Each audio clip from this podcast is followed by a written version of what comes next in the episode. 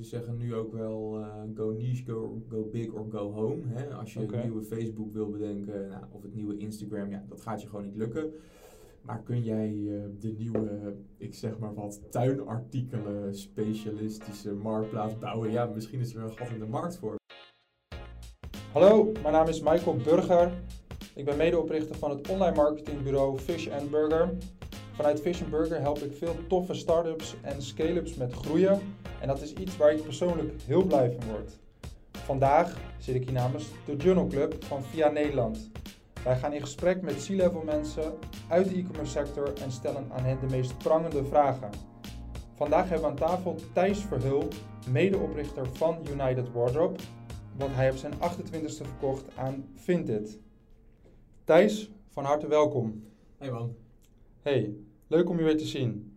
Vertel eens meer over uh, Thijs Verhul. Over mezelf. Ja, ik ben dus uh, inmiddels 29 en uh, in 2020 United Wardrobe verkocht aan Vinted. Een bedrijf wat ik in mijn studententijd heb opgericht, opgeschaald, investeringsrondes opgehaald. En ja, nu de vrijheid om alles te doen wat ik wil. Dus veel aan het investeren, een huis gekocht, een beetje aan het verbouwen. Heel veel start-ups in gesprek en weer op zoek naar een nieuwe uitdaging. Als ik ergens weer aan de bak kan om een andere start-up groot te maken of zelf weer ideeën te ontwikkelen om iets te laten groeien of zo. Oké, okay, nou, dat en ik woon in goed. Oké, okay. En hoe gaat het met de verbouwing van je huis? Met de verbouwing, uh, nou, ik kreeg net een mail dat er allemaal dingen vertraagd waren en zo, dus daar moet ik straks weer achteraan.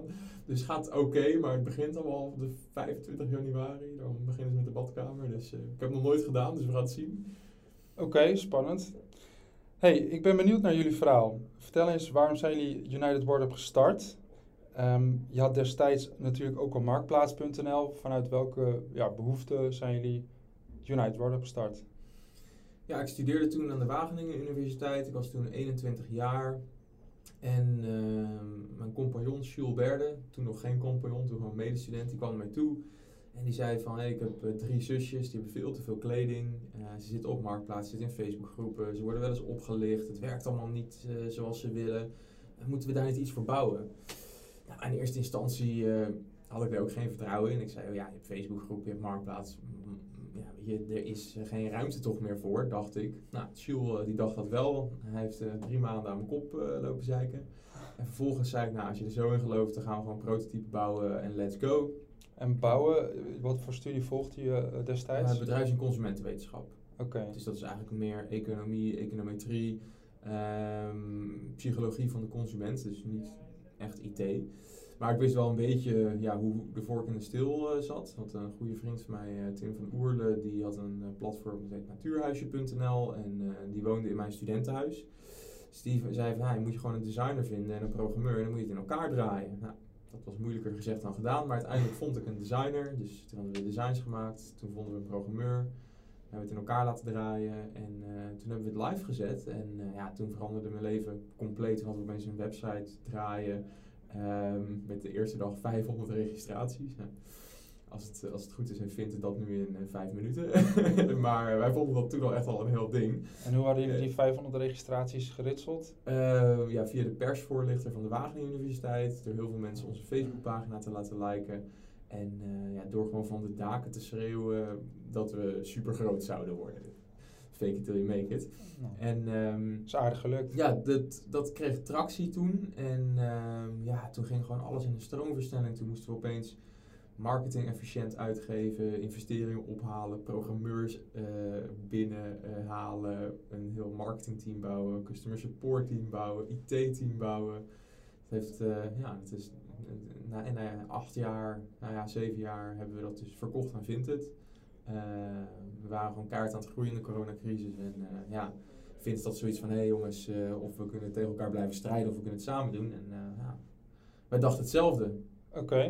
we gaan het straks nog verder over Vinted hebben. Um, jullie zijn gestart in 2014, meen ik. Sindsdien zijn er best wel veel marktplaatsen bijgekomen. Ja. Hoe verklaar je deze trend van de afgelopen jaren? Um, nou ja, kijk, eBay, Marktplaats.nl, um, die platformen zijn zo groot dat ze hun niche-markten gewoon niet goed kunnen verdedigen, omdat ze zo immens groot zijn. Dus de niche-markt, auto's, dan heb je Autoscout, huizen, heb je Natuurhuisje, Airbnb, kleding, heb je Vinted, United Wardrobe, The Next Closet. Ehm, ja, en bijna voor elke niche productcategorie ontstaat gewoon een marktplaats, omdat dat gewoon fijner werkt. Omdat mensen voor een specifiek doel erheen komen. Ehm, en ehm, ja, als je dan eenmaal tractie kan genereren, dan kan je echt veel meer waarde voor je klanten toevoegen. Hè. Op United Wardrobe kon je echt inspiratie opdoen. Als je veel meer kleding dan op marktplaats. Dus ja, dan was het voor de klant ja, die keuze snel gemaakt. En een marktplaats zoals marktplaats.nl, ja, die kan niet focussen op al die categorieën. En dat is ook niet hun doel of dat is ook niet waar zij echt geld verdienen. Ja, dus je kan zeggen dat een deel van jullie succes te danken is aan het feit dat jullie een hele specifieke niche hebben gekocht, namelijk kleding. Ja, ja. dus ze zeggen nu ook wel uh, go niche, go, go big or go home. Hè? Als je okay. het nieuwe Facebook wil bedenken nou, of het nieuwe Instagram, ja, dat gaat je gewoon niet lukken. Maar kun jij uh, de nieuwe, ik zeg maar wat, tuinartikelen specialistische marktplaats bouwen? Ja, misschien is er een gat in de markt voor, weet je er zijn zoveel mensen op het internet dat er altijd wel uh, geld te verdienen is. Dus je ziet ja. die, echt die, die niche-spelers, dat die gewoon echt goed kunnen schalen. Je zou wel zeggen dat er nog ruimte is voor nieuwe marktplaatsen? Altijd, altijd. En ja, ja als ik dus zelf om me heen kijk naar uh, SaaS-producten en andere marktplaatsen als je gewoon echt waarde kan toevoegen. Bijvoorbeeld laatst, toen was mijn boiler kapot en toen uh, ging ik even googlen en toen kwam ik op Zoofy uit of zo. Ik kende het niet, maar dat is een soort van marktplaats voor vakmensen. Nou ja, je hebt ook al Werkspot, maar die blijkbaar hebben die ook een bestaansrecht. En daar werkten volgens mij al 30 mensen toen ik zag op LinkedIn. Dus dacht ik, oh ja, dat is gewoon markt in te halen. Uh, ja, dus is er misschien een specifieke niche waarvan je zegt van hé, hey, daar is nog geen oplossing voor? Of wil je dat uh, dan had ik voor jezelf uh, Dan zou ik hem gelijk morgen gaan bouwen. Nee, ik heb dat niet zo voor ogen liggen. Nou, misschien voor, um, voor visspullen. Ik ben een sportvisser. Dus soms kijk ik dan ook wel op marktplaats en denk van, oh, misschien moet er ook een soort van tweedehands visspullen marktplaats komen.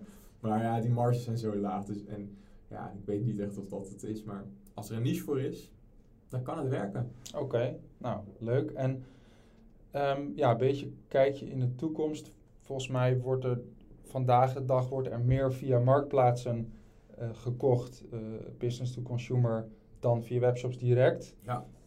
Hoe zie, je, zie jij dat over een aantal jaar, laten we zeggen in 2025? Hoeveel wordt er dan via marktplaatsen uh, gekocht en verkocht natuurlijk?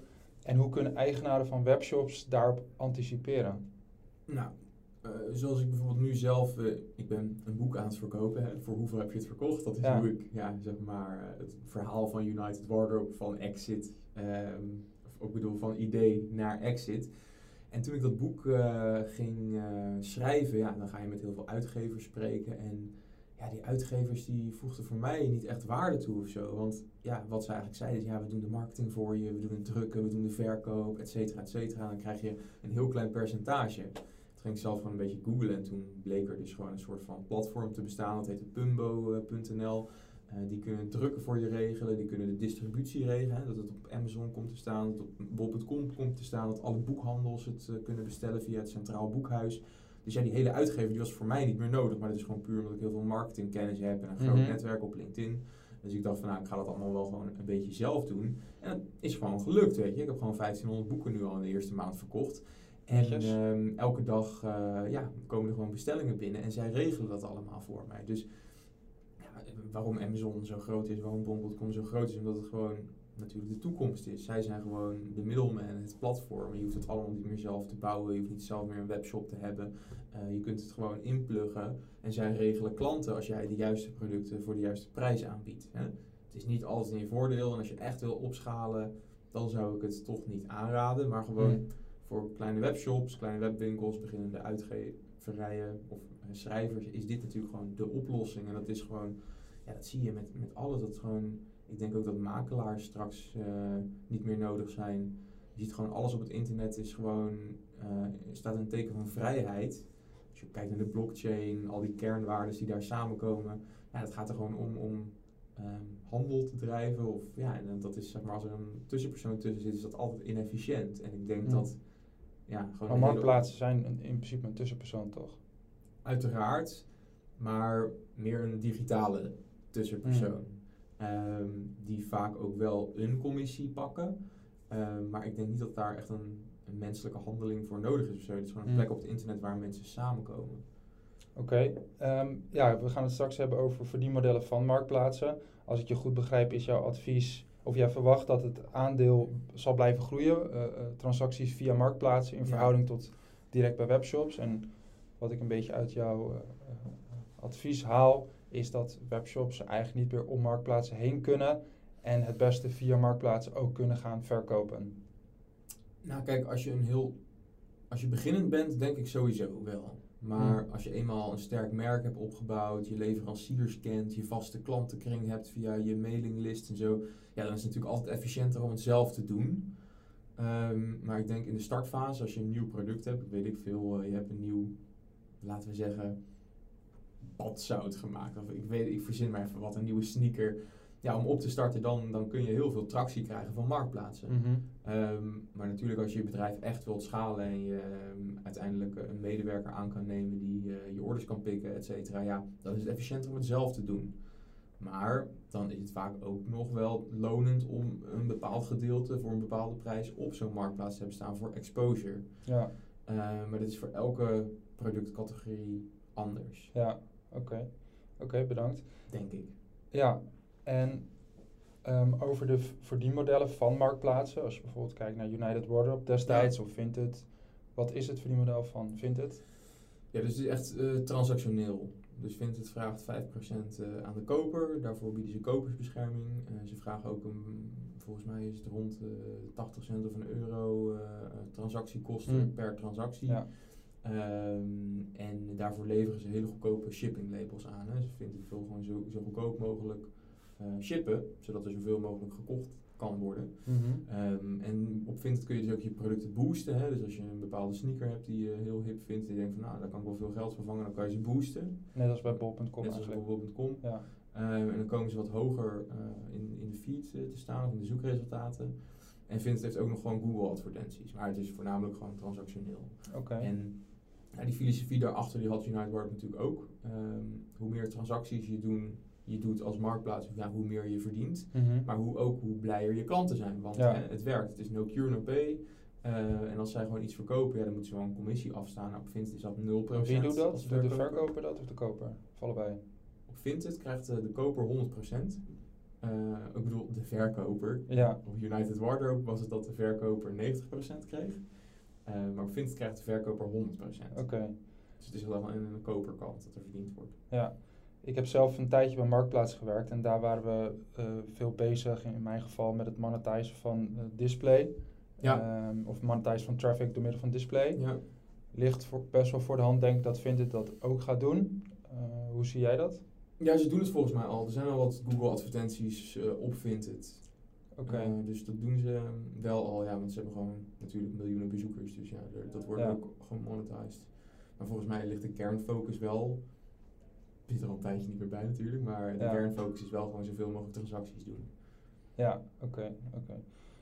Wat is de grootste uitdaging van Vinted? Moet je aan Vinted vragen? Ja. nee, ja. Ehm, ja, natuurlijk gewoon de allergrootste speler in de wereld worden. Ja, Ehm, hoe ze dat nu strategisch zien, kan en mag ik geen uitspraak over doen. Maar ehm, dat is natuurlijk zoals elke scale-up of gerenommeerd bedrijf gewoon heel hard groeien. ja, ja, oké, Dat is de grote uitdaging. oké. Maar goed, het is heel algemeen voor elk bedrijf. Ja, nee, ja, snap ik. Oké, en als je kijkt naar e-commerce Nederland, dus meer algemeen voor de branche, wat denk jij dat de grootste uitdagingen zijn voor de e-commerce branche? Voor de e-commerce branche, ja, denk ik, advertentiekosten worden steeds hoger. Het wordt steeds duurder om op Google en Facebook en Instagram te adverteren. Althans, dat is mijn ervaring, was mijn ervaring in de laatste jaren. Als ik nu om me heen kijk hè, als, en naar influencers kijk, ja, dan wil iedereen met influencers werken. Dus dat wordt ook alleen maar duurder. Ja, dus, dus je customer acquisition kosten laag houden. Je customer lifetime laten groeien. Dat is gewoon de grootste uitdaging voor elk bedrijf nu online. Ja, Iedereen wil een plekje innemen. Net zoals met de huizenmarkt. Ja, dan gaan die prijzen alleen maar omhoog. En nu ook eh, met het goedkope lenen en de inflatie eh, zullen die prijzen alleen maar blijven stijgen. Eh, en ja, hoe lang kan je dan nog doorrekenen aan je klant voordat een klant zegt: Ik koop niet meer? Dat is ja de grote uitdaging op dit moment. Ja. Dus uh, het allerbelangrijkste is dat je zelf je klantenbestand opbouwt. Dat je onafhankelijk bent van heel veel marketinguitgaven. Maar ja, zie dat maar eens te fixen als je beginnend ondernemer bent. Uh, dat, dat is denk ik wel de grootste uitdaging uh, nu. Ja. Als ik algemeen naar gewoon het internet kijk. Ja, nee, ik volg je. Um, en jij hebt het over het opbouwen van een klantenbestand. Dat doe je natuurlijk niet als je via Marktplaats verkoopt, want dan is de klant van een Marktplaats. Ja. Dat is denk ik ook een van de uitdagingen, en dan vooral voor, voor webshop-eigenaren, ondernemers. Die, die transitie van, van direct aankopen bij webshops naar Marktplaats en, en daarin navigeren. Ja. Hm. Ja, dus op die marktplaatsen kun je dan wel reviews krijgen en je kunt volgers opbouwen, zoals op Vinted. Um, en um, ja, dus, dus, daar zit ook wel meerwaarde. Hè? Als je, weet ik veel, uh, laten we even zeggen, een bepaald, uh, een emmer verkoopt. En um, je wil gewoon hè, op Google hoog staan, dus als iemand zoekt emmer kopen, dat jouw emmer bovenaan staat. Nou, dat dan vaak bol.com of Amazon die jouw emmers gaat verkopen. Ja. Als je dan de laagste prijzen hebt en de beste reviews, ja, dan draai je waarschijnlijk 90% van alle emmerverkopen van Nederland. Omdat je op nummer 1 staat. Ja. Dat is een beetje de truc volgens mij van het marktplaats verkopen of verkopen op bol.com en Amazon. Ja, oké. Oké, nou bedankt voor deze inzichten. Voordat we gaan afronden, waar kunnen luisteraars je vinden voor meer informatie of vragen? Uh, ik zit op LinkedIn. Daar heb ik bijna uh, 6.500 volgers of zo. En uh, daar post ik het meeste. Ik zit ook op Instagram, Thijs Verhul. En LinkedIn is gewoon Thijs Verhul. Um, ik heb uh, ook op Spotify mijn hele luisterboek opgenomen. Dus als je zoiets hebt van nou, ik hoef dat boek niet te kopen, kan je het ook gewoon gratis luisteren. Vijf afleveringen van 50 minuten. En mijn boek Voor hoeveel heb je het verkocht is te kopen op bol.com. Oké, nou tof. De vraag die we altijd aan het einde van deze podcast stellen. Wie zou volgens jou een interessante volgende e-commerce C-level professional zijn om deze vraag te stellen? Wie zou jij hierna willen horen en waarom? Ja, Axel uh, van Pakkeli, uh, die moet je echt uh, even hebben. Want Pakkeli is een heel interessant bedrijf uit Utrecht. En ehm, ja, zij hebben eigenlijk een soort van Uber van pakketjes gemaakt. En ehm, ja, ik denk wel dat hij de man is om ook te spreken. Oké, okay, staat genoteerd. Heel veel dank voor dit leuke gesprek, Thijs. En heel veel succes met jouw reis. Thanks. En aan de luisteraars, vond je dit leuk? Dan heb ik goed nieuws. Er komt meer. Houd de website goed in de gaten.